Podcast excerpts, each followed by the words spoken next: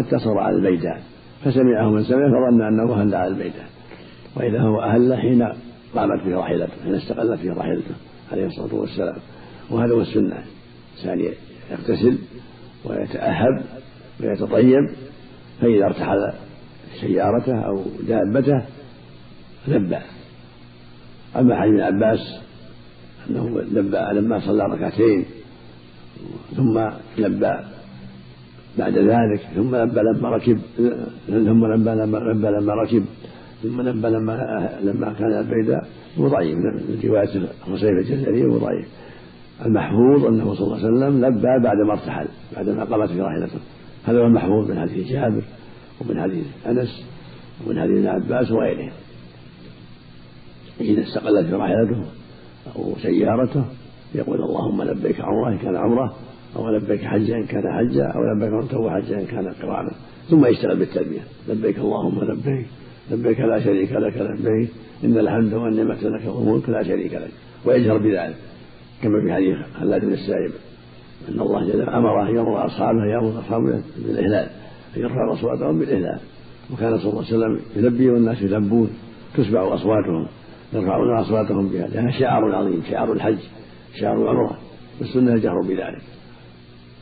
ولهذا أمر النبي أصحابه أن يرفعوا أصواتهم بالإهلال إعلانا لهذا النسك العظيم. ولم يزل يلبي حتى وصل إلى البيت.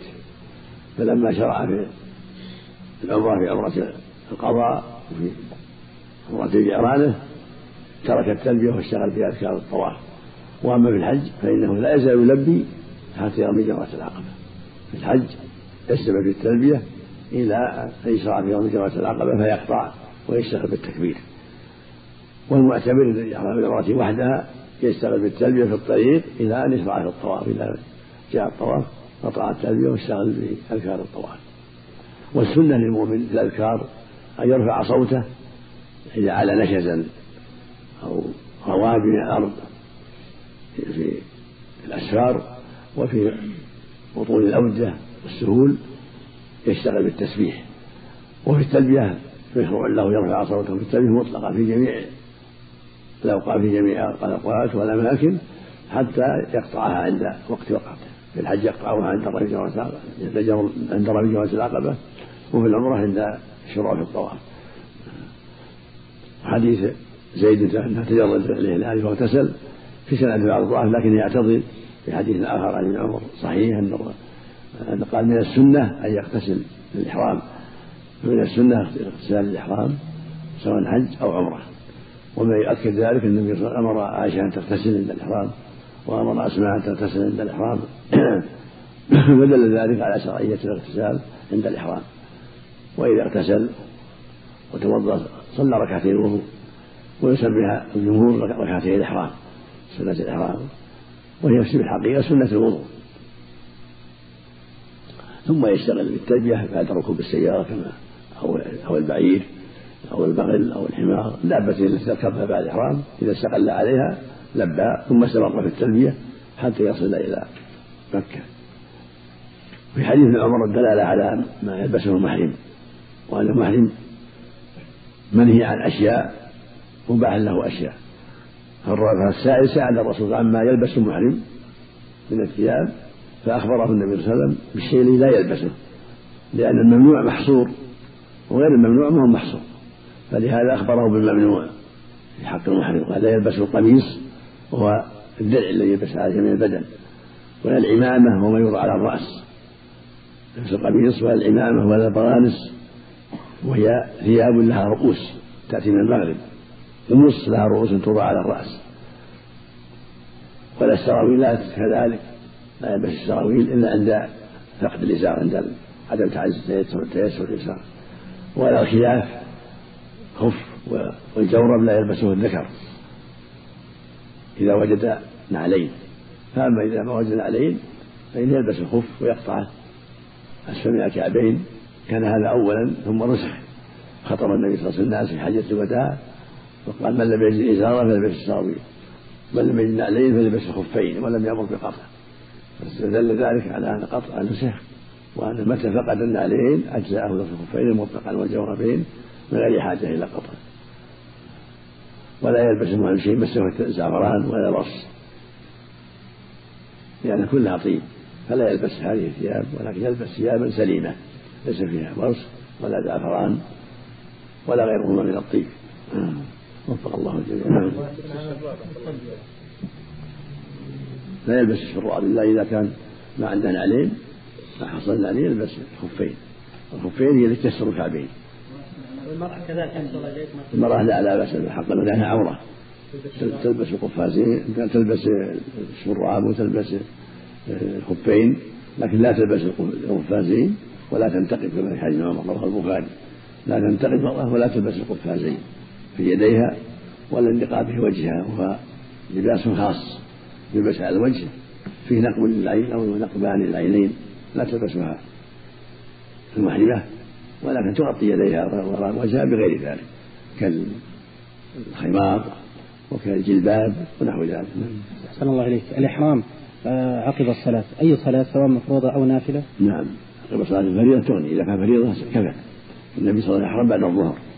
وإذا كان معها فريضة شرع له يصلي ركعتين الوضوء ثم يحرم بعدهم. نعم. بعد الركوب بعد الركوب بالدابة حديث ابن عمر يقول ما هبط صلى الله عليه وسلم إلا من عند المسجد. مسجد ذي الحليفة يعني. نعم. مسجد ذي الحليفة. يعني قبل ما يركب الدابة. نعم قبل ما يركب دابته. لا عند عند عند يصلي يخرج يركب الدابة. يعني عند المسجد مو في المسجد عند المسجد. يعني حديث ابن عباس اللي في خصية. اللي اللي روى اللي ذكر فيه النحرا بعدما صلى. رواه بعض أهل السنن لكنه ضعيف لأن خصيه ضعيف سيئة والمحفوظ أنه صلى الله عليه وسلم لبى بعدما ركب الراحلة. حديث ابن عمر وافقه. نعم. حديث ابن عمر لأنه ما لبى إلا بعد ما ركب الراحله ابن عمر ابن عمر وأنس وجماعة وابن عباس وجماعة. الله عليك من كان متمتع من كان متمتعا. نعم. يلبي وهو يطوف. نعم. يلبي وهو يطوف. يقطع عند عند شروط الطواف. يقطع التلبية عند شروط الطواف. جاء في الحديث انه صلى الله عليه وسلم قطع التلبية لما شرع في طواف العمرة في عمرة القضاء وعمرة الجيرانة المعتمر إذا وصل نعم.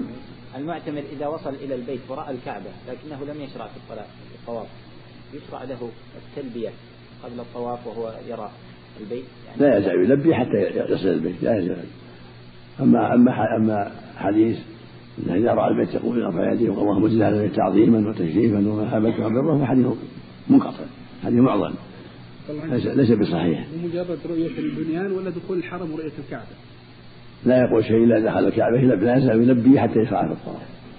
أحسن الله عليك أما هل له منزل دون الحرم مثلا هل ينزل ويستريح فيه أم مباشرة؟ إذا إذا نزل إذا استراح. نعم. يستحب له الغسل أيضا. إذا دخل مكة الشرائع مثلا له بيت إذا استراح فيها ثم يدخل ما في بأس يستريح في مكة في الشرائع ولا في مكة. مهم لازم يبادر إذا احتاج إلى استراحة. نعم. يسحب يسحب له الغسل أيضا إذا تيسر إذا دخل مكة. نعم. هنا ما ذكر ما يحرم على المرأة المحرمة. ما ذكر هنا ما يحرم على المرأة. كأنها وهي ولا لها عن زيادة من عمر وهي معروفة رواها البخاري.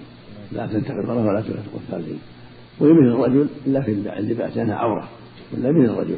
لا تأخذ أظفار ولا تطيب ولا يجامعها الزوج ما تمكن من الجماع هي مثل الرجل من المحظورات لكن في اللباس لأنها عورة تغطي بدنها تستر بدنها لأنها عورة. نعم. نعم. انقطاع التلبية في العمرة. هل هو عند وصوله إلى البيت عند وصول البيت عند حتى ولو لم يشرع في الطواف؟ إذا وصل الطواف يشرع في الطواف يقطع التلبية يلبي في الطريق ولو في المسجد حتى يشرع في الطواف. نعم يعني ضابطها الشروع في الطواف. نعم نعم شروع الطواف. مو رؤية البيت. شيخ أحسن عليك بالنسبة لاثناء الطواف أحيانا يلمس الإنسان ركن اليماني تقع عليه بامراه مثلا يا رجال ما يضر. ما عليه الصواب إن لمس المرأة ما ينقض الوضوء مطلقا. هذا الصواب. هذه الجنبية أحسن ولو ما ينقض الوضوء مطلقا. شيء إذا تعمد يعني. لا إذا ما تعمد ما لا يكلف الله نفسا إلا وسعها. نعم.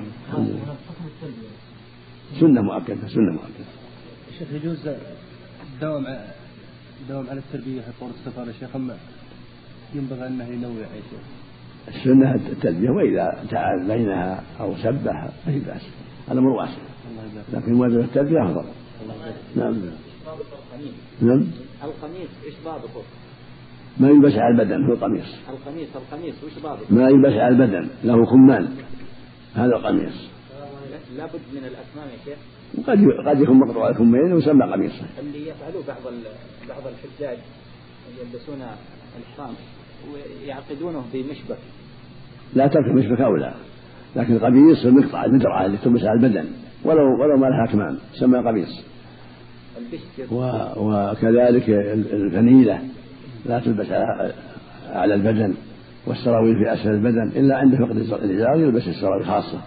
والفنيلة والقمص لا يلبسها الرجل. الركعتين عند الإحرام سنة؟ إذا توضأ صلى ركعتين. وضوء وبالجمهور يرونها سنة مطلقة لكن الأفضل أن الوضوء إذا توضأ صلى ركعتين. سنة الوضوء. تكفي. سنة الوضوء كافية. الله بعض الصابون يكون معطر مكتوب عليه انه معطر تستخدمه مثلا ترك احتياط. استعمل الصابون الآخر أقول ترك المعطر أحوط.